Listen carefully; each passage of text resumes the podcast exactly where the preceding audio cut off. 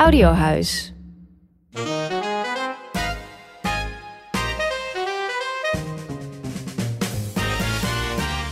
Dit is Bonte Was Podcast. Uw favoriete wasprogramma over mediamissers en opstekers. Ik ben Wansi Muller. En ik ben Sui Papa Economo. En ik ben ook verkouden. Net als ik. Yay. yes. We doen mee met de rest van Nederland. Kwakkelveel zitten we in. Ja. Maar ja, goed. Als jullie denken, hé, hey, lekkere stem. Meid. Zou iemand dat denken? Ja. Meid? Hier, Ik ben dus ook, als ik verkouden ben, ben ik ook altijd melig. Nou, Ja. Maar goed, bij deze, ik ben verkouden. Onze uitzending van vandaag die gaat iets anders verlopen dan eh, gepland. Wij zouden hier namelijk samen met eh, Sahar zitten, onder andere mensenrechtenjurist. En eh, gaan bespreken hoe media berichten en framen over mensen met een vluchtverleden. Maar misschien heb je het meegekregen. Sahar die is eh, helaas zelf slachtoffer geworden van eh, hardnekkige mediaframing en uitsluiting door de organisatie van de Klimaatmars, eh, zondag 12 november. En ehm, ja, we begrijpen helemaal dat dat al haar aandacht opeist. En dat we de ja, aflevering met haar eh, eventjes op pauze hebben gezet. Ja, nee, heel begrijpelijk. Alvast bij deze Sahara, als je luistert, eh, veel sterkte met... eh, Heel veel hartjes. Ja, heel veel hartjes met eh, alle gekkigheid en vreselijkheid die over je heen gestort wordt. Misschien wel heel belangrijk om het even erover te hebben, want wat is er gebeurd? En Sahar is overigens ook de winnares van de Pax Vredesduif. En zij was gevraagd om te Dit spreken. jaar? Ja, dit jaar. Ehm, zij was gevraagd om te spreken bij de Klimaatmars op 12 november. Ehm, en eindelijk was er ook bij deze mars meer aandacht voor eh, niet alleen klimaat, maar klimaatrechtvaardigheid. Want klimaat is politiek, lieve mensen. Klimaat is niet alleen maar klimaat. Klimaat is niet neutraal. Klimaatneutraal, nee hoor. Dat bestaat niet. Ik denk bijvoorbeeld, ik noem een dwarsstraat aan het kolonialisme. Eh, zo zijn er heel veel. Hè, dus klimaat heeft een enorme, ehm, heeft enorm ook met uitsluiting te maken. ehm, klimaatracisme. Sahar zou spreken tijdens eh, deze mars, heeft ze ook gedaan. Eh zij had ook meegenomen Sarah Ragdan, dat is een Palesti- Palestijnse activiste, om ook te spreken over de genocide in Palestina. Ehm, ja, en wat gebeurde er toen, Wansi? Ja, zij waren daar aan het praten en toen werd hun geluid weggedraaid. In eerste instantie zat ik zo naar, naar die beelden te kijken. Ik denk, oh, is er iets mis met mijn telefoon? Nee, dat was niet het geval. De organisatie die heeft gewoon eh, ja, besloten eh, ja, dat, dat niemand mocht horen wat ze zeiden. Toen hebben ze dat aangekaart bij eh, de beroemde klimaatactiviste Greta Thunberg. Die was er ook. Die heeft ze vervolgens de microfoon weer terug willen geven. Dus die was iets aan het zeggen op dat podium. En toen Ja, ik daar was zag die het hoor. gebeuren en ik nee, echt serieus. Dacht jij niet toen je het zag? Dit is een sketch. Ja, nou bijna wel. Want wat gebeurt er? Greta die is dus aan het vertellen waarom zij ook het recht hebben om, om te spreken daar. En dan komt dus gewoon natuurlijk weer een witte man, oude witte man, het podium opgelopen in zijn groene jasje en die zegt: "Ik kom hier voor het klimaat, niet voor politiek." En die, die, ja, die rukt zo die microfoon uit eh, Greta's hand, waarop Sahar samen met anderen die man weer van het podium afsleurt, wat ik ook echt super moedig vond trouwens. Je ziet het seksisme en racisme hier ook overheen. En dat mailde iemand me ook. Die zei van, eh, bij Greta Thunberg, als, als daar een witte man had gestaan... de kans dat dan een witte, mi- of een witte microfoon... alles wit nu, alles wit. dan een microfoon uit diegene's handen eh, was gerukt... is gewoon veel kleiner. Dat, eh, dat het, het geluid zou zijn weggedraaid... eh, ehm, als daar witte mannen hadden gesproken... zou veel kleiner geweest zijn. Dus dat maakt het ook weer zo tragisch. De berichtgeving ehm, was nogal vreemd hierover... Wat mij heel erg opviel, los van een aantal koppen die ik zo noem, is dat er ook. Ik zag bijna alleen maar berichtgeving voorbij komen. waarin er klimaatmarsgangers werden geïnterviewd. Zeiden: Nou, ik kom hier voor het klimaat. Ik, weet, ik weet niet zo, ik weet niet, dit is, ik weet niet waarom ik deze stem doe. Maar dat Nou ja, zo goed. klinken ze dus, hè? Ja. Niet voor de politiek. Ja. En dat vind ik dan is iets hilarisch gezien het hele gegeven dat er weet ik veel hoeveel lijsttrekkers ook op, de, eh, op, dat podium in debat zijn gegaan. Nee, geen politiek. Nee, natuurlijk niet. Hoe krijg je het uit je strot? Ik Echt snap het letterlijk. echt niet. Overigens, mensen wel een goed stuk willen lezen over waarom klimaatpolitiek is, dan ehm, verwijs ik ze graag door naar doorbraak.eu voor een heel goed stuk voor, van eh, klimaatactiviste Chihiro Geuzenbroek, die ook dit deze gebeurtenis weer helemaal beschrijft, maar ook eh, wat, waarom klimaatpolitiek is. Eh, dus dan kunnen we, hoeven wij, het, geef het graag even door aan iemand die dat veel beter dan wij kunnen uitleggen. Zetten we Ehm, in de show notes. zetten we zeker in de show notes. Ehm, dus dat viel me al op. Dus wie werden er over geïnterviewd? Het was heel erg het frame van, want zo werd het in de kop van Parool gezet. Smet op de klimaatmars. En op een, eh, de NOS had het over een opstootje. Ehm, maar ook, wat natuurlijk de smet is, is het feit dat mensen de mond wordt gesnoerd. Mhm. Ook, want moet je je voorstellen dat, dat eh, figuren als, eh, eh, nou, als een van die politici de microfoon was weggedraaid. Of op andere momenten als, als de, de, de heer Wilders heeft op zoveel plekken zoveel racistische, islamhatende shit uitgekotst en die microfoons werden nooit weggedraaid. En als dat wel was gebeurd, dan was de ophef niet te doen. Mhm. En nu zie ik van die ophef maar heel weinig terug. Ja, natuurlijk vanuit gelukkig uh, bepaalde geluiden waar, waarvan je dat ook meer verwacht. Maar in de mainstream media is het allemaal, is, lijkt iedereen het erover eens te zijn. Dit was een smet op de klimaatmars. Ik vind dat heel, heel uh, treurig. En daarbij zie je dus ook heel duidelijk weer wie hebben het recht van spreken. Ja, nou ja, ik ben het met je eens. Uh, en we hebben het net al gezegd, maar Sahar, nogmaals heel veel sterkte. Volgend jaar, dan uh, verwelkomen we je graag uh, in Bontwas. wat is jou verder nog opgevallen, Wansi? Ja, we gaan even naar iets leuks, want daar is het tijd voor iets moois vooral. gemaakt door Nicole Terborg, een zesdelige podcast, Kweekje, Mi Kwikkie Pching. Dit is een fragment van de trailer. Kinderen die door familieleden of pleegouders worden opgevoed.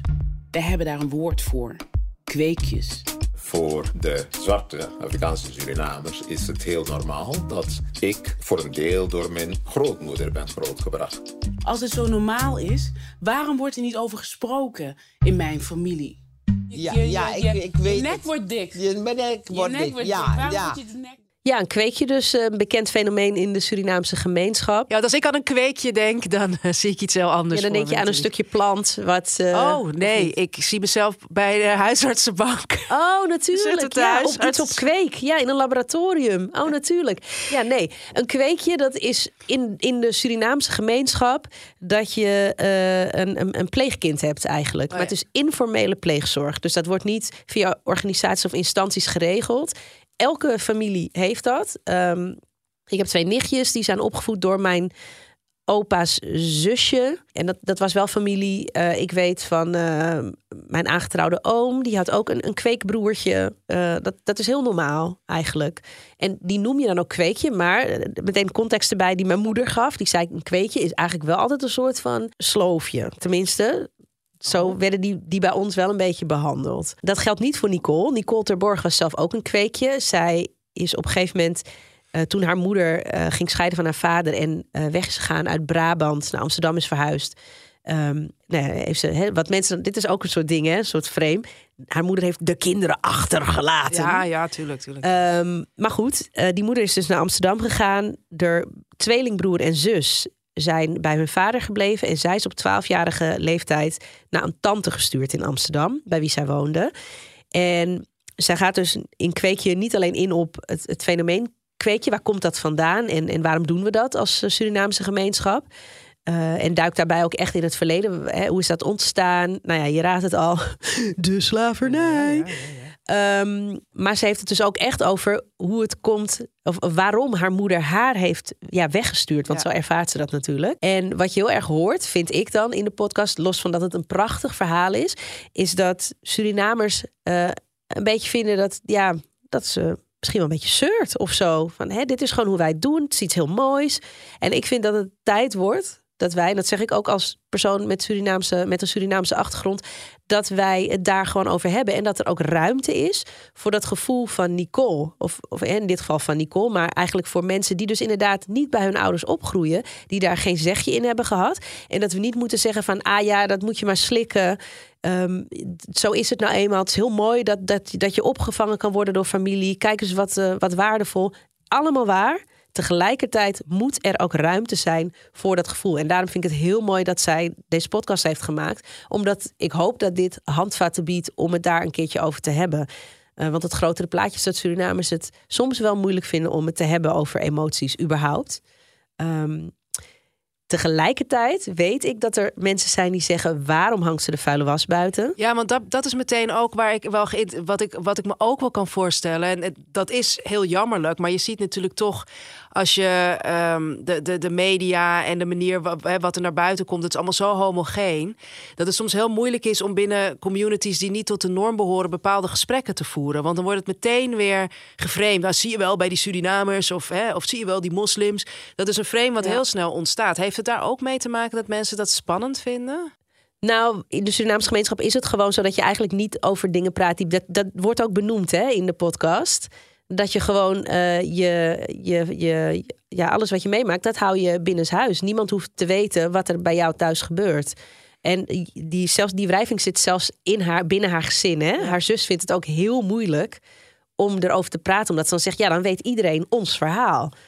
En ik vind het dus heel knap en dapper van Nicole dat ze, dat ze die confrontaties toch aangaat.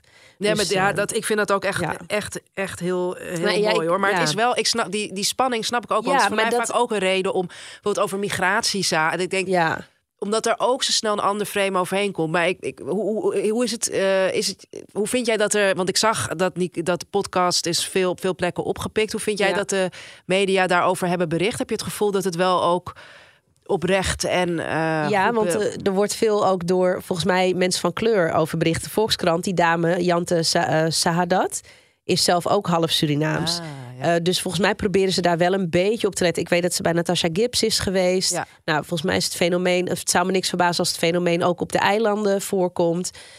Dus ik denk dat dat wel uitmaakt. Dat is mooi inderdaad. Ja. Um, en, en ja, ik heb eigenlijk niet hele rare dingen gelezen. En kijk, mensen vinden er toch wel van wat ze vinden. Dus, dus het gewone publiek, ja, daar, daar moet je geen rekening mee houden. En um, ik zou het ook jammer vinden als, uh, omdat witte mensen in dit geval er wat van kunnen vinden, je het niet zou doen. Is dus, ook zo. Nee, maar daar heb je helemaal gelijk in. anders, snap... anders komen we er nooit. Ik, Ja. Nee, dat dit nu ook op een, op een oprechte en eh, mooie manier wordt opgepikt, is dan ook hoopgevend. Maar ik snap wel soms de ingewikkeldheid die daar omheen hangt. En dat het daarin soms dus ook de keuze wordt gemaakt om het niet te doen. Maar het is heel mooi dat, dat, dat Nicole dat natuurlijk wel heeft gedaan. Nee, er zijn natuurlijk ook wel plekken waar we dit soort gesprekken onderling hebben. Dus die ruimtes uh, en plekken zijn er ook. Dus ik vind dat het naast elkaar moet bestaan. Um, en dan, ja, dan neem je maar het risico dat er mensen zijn die, uh, die er wat van vinden. Ja. Jij bent normaal altijd zo enthousiast over het jeugdjournaal. Ja, ja, maar nu? Maar nu. Nou, laat ik eerst zeggen, uh, lieve luistervrienden, uh, vriendinnen, MVX. Ik ga nu twee dingen zeggen die iets met de heer Wilders te maken hebben. Dat probeer ik altijd bij met, met vrouw en macht, met mensen en macht te voorkomen. Um, ik, ik, af en toe maak ik ook wel eens uh, maak ik grappige fotootjes over lijsttrekkers. En dan knip ik hem er ook altijd vanaf. Want op mijn tijdlijn is daar geen plaats voor. Uh, maar omdat natuurlijk uh, helaas de institutionele media het wel nodig vinden om continu aandacht aan deze man te schenken, vind ik dat toch belangrijk om er nu iets over te zeggen. Um, allereerst inderdaad het jeugdjournaal. Ja, dat breek, brak ook even mijn hartje. Ik had het zelf overigens niet gezien, maar uh, kennis van mij ook uh, hele goede docent, Halil Karaslan. Die uh, maakte een hele goede reel op Insta over wat hij zag um, in het jeugdjournaal. Waar ze video's maken over alle lijsttrekkers. Laten we daar even naar gaan luisteren. Waar ik niet op zit te wachten, is dat mijn kinderen door jullie programma, mede mogelijk gemaakt door jullie, door jullie gefaciliteerd, geconfronteerd wordt met islamofobie. Mijn kinderen hebben gisteren, zoals waarschijnlijk duizenden andere kinderen in Nederland, moslimkinderen vooral, gekeken naar het jeugdjournaal. Tijdens kijken naar het jeugdjournaal kwam deze clip voorbij. Kamerverkiezingen. En dan wil je natuurlijk weten, wie zijn die lijsttrekkers nou echt? Vandaag staat er weer een achter het glittergordijn. Spannend hè, Malou van de redactie, wie het nou is. Heel spannend, maar ik zie hem al staan. Nou, nou goed. Deze lijsttrekker gaat het liefst drie keer achter elkaar in de droomvlucht en is gek op katten. Hier is van de PVV Geert Wilders. Tadaa! Geert Wilders is 60 jaar en groot fan van de Efteling. Zijn partij, de Partij voor de Vrijheid, heeft een sterke mening over de islam. De PVV wil dat islamitische scholen, moskeeën en de Koran verboden worden. Geert Wilders krijgt veel te maken met haat en bedreigingen. Daarom wordt hij altijd en overal beveiligd. Daar zijn we. Ik weet niet wie bij de redactie of wat de gedachte was bij de redactie om op deze manier een gezellig momentje met een van de lijsttrekkers in beeld te brengen. Maar wat mij betreft is die volledig misplaatst. Nou, wat mij betreft ook. Ja, wat mij betreft ook. Weet je waar het me ook aan deed denken? Volgens mij hebben we het daar ook... Uh, kijk, zo lang lopen we al mee met Bond was podcast ook over gehad. Toen Eva Jinek dacht, ik ga leuke ja. katten-items of zo maken. Hoezen. Nou ja, het is om je kapot te schamen natuurlijk. En dit, um, ik vind hier vind ik ook echt dat je je verantwoordelijkheid niet neemt als redactie. Ik weet hoe dit gaat. Dat weet jij ook. Oh, we moeten even een leuk vormpje bedenken. Hoe maken we politiek begrijpelijk voor kinderen? Ja Dat je dit zonder enige context uh, je journaal, jeugdjournaal inslingert, daar heb ik ook echt, dat vind ik ook echt heel problematisch. Ja. Um, ik zou vooral mensen ook oproepen om even op uh, het Insta-profiel van Halil te kijken. Om, om het gehele filmpje te luisteren. Want hij legt dat gewoon echt heel goed uit. Maar het heeft één, laat ik daar zelf mee beginnen. Moet je überhaupt Wilders vragen? Meen ik serieus. Mhm. Ik denk, uh, het is iemand die consequent, al hoe lang loopt die kerel al mee? Nou, weet ik niet. Uh, consequent artikel 1 van de grondwet negeert. Um, en actief, zeg maar, uh, aan het negeren is en, en, en um, um, haat aan het uiten is richting moslims en racistische haat aan het uiten is. Dus dat gebeurt al heel erg lang. Dus dat vind ik een oprechte vraag voor een kinderprogramma. Daarbij denk ik, op welke manier, als je dan al, als je wel zegt nee, maar we willen toch alle lijsttrekkers willen we laten zien. Dan moet je echt nadenken over de manier waarop. Want in het wat, wat, wat waarom het, um, het, het, het die clip van Halil ook zo raakt, is omdat hij beschrijft ook. Hij zit met zijn kinderen te kijken, ja. zij zijn moslim, en dan wordt dit zo boep, wordt het er zo uitgegooid. Um, yo, Alsof het heel normaal is. Ja, ja. ja. Achter het gordijn. Ja. Droomvlucht. Dat ik echt denk, nou in die sfeer zit je te praten. En ik krijg ook kippenvel. En dan denk ik echt, het kan gewoon niet. En je moet hier, vind ik, een andere lijn in kiezen. Maar goed, hij heeft uh, ook met, uh, vrij snel daarna nog een tweede filmpje opgenomen. Vond ik ook heel mooi gedaan. Want Justina heeft contact met opgenomen, heeft met hem gebeld. Hij vertelde dat het een goed gesprek is. Um, hij heeft ook een statement uitgegeven. Maar daarvan zei Halil ook terecht. Het is een statement wat ze altijd geven. Dat is een beetje in de trant van we vinden het heel vervelend als mensen gekwetst zijn. Ja, ik denk dan ook altijd een beetje dikke vinger. Maar hij zei ook, ja, maar oké, okay, maar dat ga je dan ergens onderzetten. Maar mensen gaan toch dat filmpje kijken. Het blijft beschikbaar. Ja. En ik mis gewoon um, in, in, in de gehele media mis ik moed om uh, uh, dingen te benoemen. Vooral discriminatie te benoemen, racisme te benoemen, seksisme te benoemen. Uh, had ik racisme al gezegd? Islamhaat. Dat wordt. Het, het, wordt steeds zo spannend gevonden om, om daar een lijn in te trekken. En dat. Um... Ja, omdat ze bang zijn het verwijt te krijgen de mainstream media te zijn die mensen uitsluit. Of mensen geen platform of podium geeft. Terwijl ik denk, ja, je hoeft toch niet iedereen een podium te geven. Wat is wil je nou toch aan de grondwet houden? Ik, bijvoorbeeld. Bijvoorbeeld, ja, dat, ik, heb, ik heb, vind dat ook heel erg lastig. En dus het is wel, ja, als er mensen luisteren die, uh, die bij het jeugdjournaal werkzaam zijn. Alsjeblieft. Ja, misschien hebben ze die discussie gehad, maar is daar niet naar geluisterd? Hè? Dat zou ook nog kunnen. Dat zou ook nog kunnen, dat weet heb, je natuurlijk niet. Ik heb ja. namelijk ook um, een filmpje gezien van, uh, van Vanix. En daar zat uh, Thierry Baudet in de. Ik zei Thierry Ezel trouwens naar degene die ik daarover appte. Die zat daar, want dat, dat is het woord. Uh, die zat daar ook. En toen dacht ik, waarom de F zit hij daar? Ja. Uh, ik zei, was daar een discussie over? Hè, waarom ja. hij, of, of wie daar uitgenodigd werd? Nee, alle lijsttrekkers zijn uitgenodigd. Wie wilde mocht komen. Nou, dat, dat, daar vind ik wat van. Nou, daar vind ik zeker wat van. Phoenix is natuurlijk een jongere zender. Daar ook vind ik, heb je extra verantwoordelijkheid. Maar ik vind zeker voor, um, want dat, dat legt Halil ook goed uit. Weet je, uh, nou, Jamie, mijn oudste, kijkt ook natuurlijk altijd naar het Jeugdjournaal. Zijn kinderen zijn uh, rondom die leeftijd ook. Je begrijpt heel veel dingen nog niet. Ja. Dus als je daar bam hoort, Koran verbieden, sch uh, islamitische scholen verbieden. Ja, dan denk je als kind ook. Ik als volwassene um, kan je daar nog misschien wat meer is het ook vreselijk, maar heb je nog context. Ja. Maar als kind denk je echt, wat hoor ik nu? En dat weet ik ook uh, van heel veel mensen. Um, um, de befaamde minder, minder ja, precies. uitspraak. Dat, dat kinderen dat toen allemaal aan hun ouders vroegen. Moeten wij dan weg? Ja. Daar moet je gewoon als jeugdjournaal ja. niet aan meewerken. Het is inderdaad helemaal waar wat je zegt. Het is, ik, bedoel, ik heb het jeugdjournaal verder natuurlijk hoog zitten. Dus ik ga er vast van uit dat er een discussie is geweest. Maar ik, ik zou zo graag willen en... en juist het jeugdjournaal zou daar wat mij betreft een voortrekker in moeten zijn. Uh, toon nou moed. Toon moed. En um, dat artikel 1 geschonden wordt door een politicus mag echt een reden zijn om iemand niet uit te nodigen. Daarvoor hebben we de grondwet. Goed. Nog een klein beetje meer van uh, meneer. Helaas niet minder, minder wilde. En, uh, maar, maar ik hou het kort. Uh, bij Dit Was Het Nieuws noemden ze hem uh, Milders. Want dat is nu ineens het nieuwe frame ja. wat wordt opgetuigd. Dat hij Milders zou zijn geworden. En dan denk ik echt... Lieve mediavrienden. Nou, niet lieve. Stoute mediavrienden. Nee, foute mediavrienden. Nee, de heer Wilders is niet milder. Hij zegt soms andere dingen, maar hij heeft, heeft nog steeds een, een, een enorm racistische, islamhatende agenda. Mhm. Maar dat gaat erom, ik noem even een kop van de NOS notabene, maar dan van de, het volwassene NOS. Eh, die kop ehm, is Wilders over islamstandpunten. Prioriteiten liggen bij andere zaken. Nou ja, wij doen wel eens correcties op koppen. Ik heb daarvan gemaakt. Wilders over islamhatende standpunten. Ehm, prioriteiten liggen bij terugdringen, immigratie en asiel. Want dat is een van zijn belangrijkste Ja. prioriteiten nog steeds. Waarom? Tadaa! Ja. Islam, haat en racisme. dus ik bedoel, het is ook is niet waar. Daarnaast denk ik, islamstandpunt. Ja, wat, wat, misschien heeft hij wel een heel gezellig idee. Ik bedoel, dat zegt niks. Ja.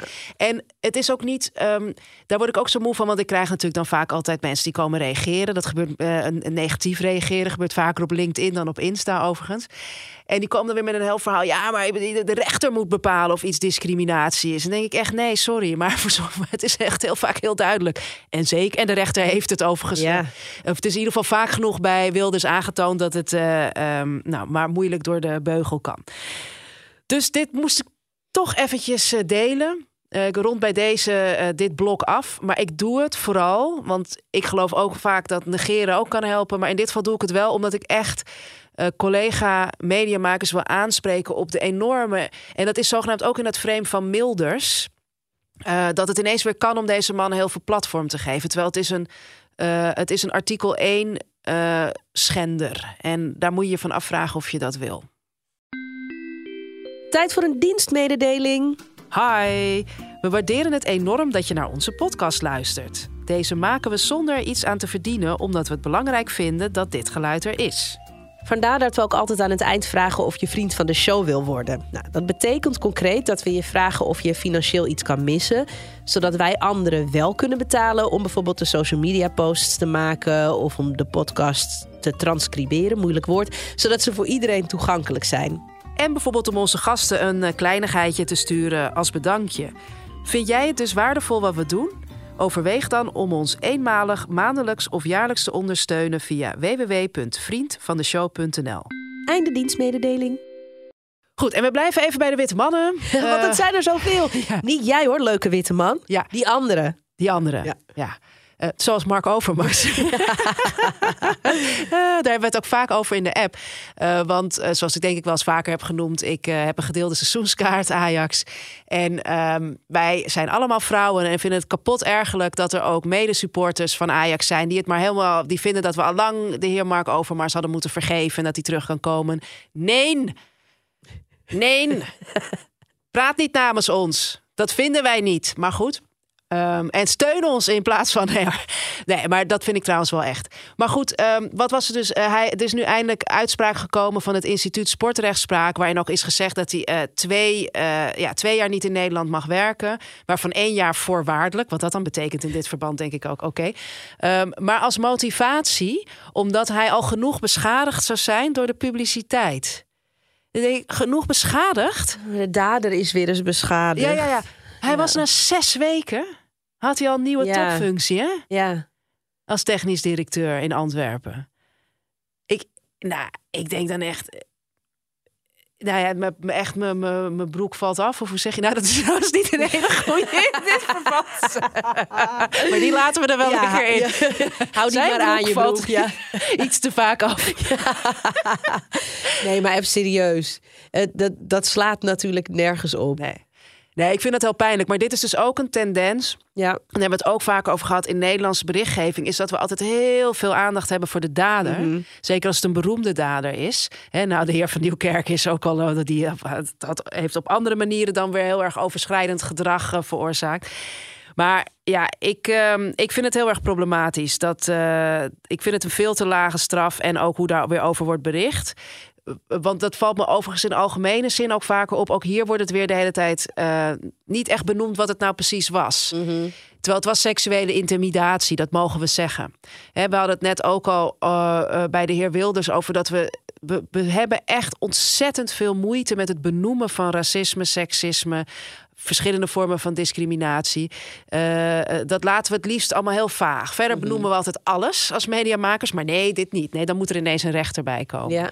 Hou op met van die vage containerbegrippen. Dat vind ik echt misstanden, overschrijdend gedrag. Dat zei ik geloof ik net zelf Schandaal. ook. Schandaal. Maar benoem het. Ja. Wat is het? Machtsmisbruik, discriminatie? Is het seksueel intimidatie of echt seksueel misbruik? Ja. Dus is er echt aangeraakt? Dat is heel belangrijk, want anders blijf je meewerken aan het, aan het vaag houden ervan. Nee, ja, dan hebben we nog iets wat uh, heel grappig begon, maar toch een beetje een uh, vervelend staartje kreeg. Um, heb jij wel eens een krompoes gegeten? Nee, maar ja, ook bij eh, tot voorheen favoriete programma Het Jeugdjournaal heb ik er wel veel over gezegd. Heb ik wel een paar keer iets over voorbij zien komen, ja. Nee, ja, het lijkt me echt heel smerig. Maar dat komt omdat ik niet echt van Roma. Ik heb ook nog nooit een tompoes gegeten. Want dat lijkt me helemaal niks. Maar uh, voor iedereen die ik zou niet weten hoe het kan als je niet weet wat dit is. Maar een krompoes is een opengesneden croissant met een roomvulling en aan de bovenkant dan uh, glazuur, meestal roze. Wel. Ja, daarom. sorry. Um, maar goed, uh, ineens doken die overal op. Bakkers maakten ze, zelfs supermarkten. Het ging helemaal viraal. En uh, nu blijkt dus dat er een dame is die in 2020 tijdens de coronalockdown in haar vegan bakery in Utrecht die eerste krompoes heeft ontwikkeld, de merknaam heeft vastgelegd. En um, daar heeft ze dus over gezegd op haar Instagram, want ze is heel lang eventjes niet actief geweest. Maar zij zei: ik kreeg zoveel positieve reacties dat ik dacht: hey, ik heb iets ontwikkeld dat een blijvertje is. En dat is exact de reden waarom Krompoes sinds 2020 een door ons geregistreerde merknaam en productmodel is. Een zeer belangrijk detail dat in de recente nieuwe opleving van mijn product verloren is gegaan. Tot nu. Het product en de merknaam Krompoes mogen niet zonder toestemming van de officiële ontwikkelaar, mijzelf, gebruikt worden. En er wordt zeer zeker opgetreden tegen inbreuk van dit recht. Want enige credit voor mijn harde werk van toen is denk ik best op zijn plaats. Ja. Nou, uh, ik dacht meteen, go girl! Helemaal omdat het, dit is een black-owned uh, bakkerij. Het is een zwarte dame, Surinaamse dame. Dus dat, dat vind ik helemaal tof. Um, en uh, nou ja, goed. Wat, wat verschijnt er dan in de media voor koppen? Um, bedenker van populaire krompoes sleept naapers voor de rechter. Deze bakkers zijn niet bang voor een krompoes-rechtszaak. Bedenker krompoes stuurt naapers brief van advocaat. En toen dacht ik, nou, you go girl, hè? zeg ze of laat ze zien. Maar wat gebeurt er? Uh, zij heeft dus weer uh, een, een, post op Instagram moeten posten. Waarin ze allereerst aangaf dat ze met uh, die bakker, die zelfs een pop-up van Krompoes, uh, die, die zelfs een pop-up Krompoes stand heeft geopend, een licentie is aangegaan. Dus dat ze het niet helemaal fair vindt dat mensen die bakker zo aanvallen. Ja. En dan moet ik heel eerlijk zeggen, ik was daar één van. Hè? Maar ik ben dan ook weer zo netjes is dit dat het ik grote dat weer deel. onesie mea culpa? Ja, dit is ja, mea culpa. ja, ja. hoe, hoe heb ik dit ook kunnen doen? Maar gelukkig ja. door jou is nu alles veranderd. Ja, precies. Ja, ik zorg ervoor dat, dat iedereen nu weet hoe het zit. Hè? Um, nee, en zij heeft dus gezegd... Uh, op, op Instagram in een nieuwe post. Hoe, hoe sensationeler de kop van het artikel, hoe beter, dacht men gisteren waarschijnlijk. Ik zou Krompoes naapers direct voor de rechter slepen. Echt ongenuanceerde berichtgeving. Ik was me er juist van bewust dat veel bakkerijen zich er wellicht niet van bewust waren dat het gaat om een geregistreerde merknaam en product dat niet zomaar verkocht mag worden. We hebben bakkerijen op verschillende manieren deze informatie willen geven, zo ook met mijn post van gisteren. Bakkerijen hebben uiteraard zelf de keuze om een licentie af te nemen en de verkoop van het product voort te zetten. Dus wat is er gebeurd? Die media die zijn daar opgesprongen alsof zij een of andere gehaaide uh, truttebol is. Die denkt, I'm gonna get my money. Wat ze natuurlijk wel mag doen. Um, uh, en, en wat ik heel vervelend vind hieraan is, het is een vrouw. Dus dan weet je alweer dat mensen daarop gaan reageren. En het is een zwarte vrouw. Dus ja. dat, dat speelt gewoon mee. En ik bedoel, dat, dat valt media verder niet te verwijten dat, dat het een zwarte vrouw is. Maar wel in de manier waarop je de bericht krijgt zij, ja. denk ik, nog wat extra stront over zich heen. Ja. Waardoor zij zich weer genoodzaakt voelde om, uh, om hier weer op terug te komen. Je bent ook onzorgvuldig weer hoor. Ja, ja want ik, de vraag is: hebben ze haar gebeld? Hè? Ja. Ik denk dat je belt dat toch na. Ja. Dat is Ja. toch even, dat is toch het meest uh, Nee, de minimale Instagram-post journalistieke, eh, handwerk genoeg. wat je kan verrichten. Maar dat is Nee, de Instagram-post is genoeg. oh, Ja. goed voorbeeld dit, zeg. Ja, ja. Ja, ik wilde er nog één klein dingetje, of misschien eigenlijk best wel wat groter dingetje ingooien. Ehm, dat was een kop in trouw. Ik zag hem voorbij komen ook ehm, op de tijdlijn van Sarita Bainat. Iemand die ik volg, heel interessant. Iemand trouwens ook om te volgen op Zeker. Insta en eh, LinkedIn. Ehm, die ook die kop kritisch aanpakte. Of het stuk. Eh, dat was eh, een, een artikel van Trouw, gebaseerd op een onderzoek van Lianne Mulder, EA. Heel interessant onderzoek over nou ja, hoe verschillende studies selecteren, hun studenten selecteren waar selectieprocedures voor zijn. Denk aan geneeskunde bijvoorbeeld. Ehm, en nou, ik zal de kop van ehm, Trouw noemen. Dus het is niet de kop van het onderzoek, hè, maar van Trouw. Migratieachtergrond verkleint kans op gewilde studieplek bij studies als geneeskunde en psychologie. Het is jouw schuld. Ja. Want jij hebt een migratieachtergrond. Precies. En dan denk ik, ja, dat je dit dus dan niet meteen voelt. Dus ik, ik had Ja. die weer even gecorrigeerd in. Studies als geneeskunde en psychologie discrimineren studenten met een migratieachtergrond. Ehm, ik heb het, en hier gaat het ook weer over dat benoemen. Want kijk, in alle eerlijkheid, dat zijn dus, ik ga daar niet eh, heel diep op in, maar mensen die daar geïnteresseerd in zijn. Ga vooral naar deze post op mijn tijdlijn op LinkedIn. En dan gaan allemaal boze mensen mij dat uitleggen. In, ik weet het gerust, maar dan gaat het weer. Ja, maar ze verschil tussen correlatie en oorzakelijk. En correlatie tussen migratieachtergrond en die selectieprocedure toont niet per definitie aan dat het discriminatie is. Want dat, dat hebben we. Hè? En dat, dat is ook niet onderzocht. Maar dan denk ik, maar dat weten we eigenlijk al lang. We weten al lang dat er discriminatie is op de arbeidsmarkt. Trouw had daar een paar deskundigen bij kunnen vragen. En dan had je dit gerust zo kunnen zeggen. Ja. Maar ook los daarvan, stel je had, hè, je wil als trouw, omdat je bagger scheidt, wil je niet discriminatie noemen, dan had je het alsnog moeten omdraaien. Ja. En daarom vind ik het wel belangrijk om deze kop te noemen. Want nu lijkt het, hè, migratieachtergrond kans verkleind.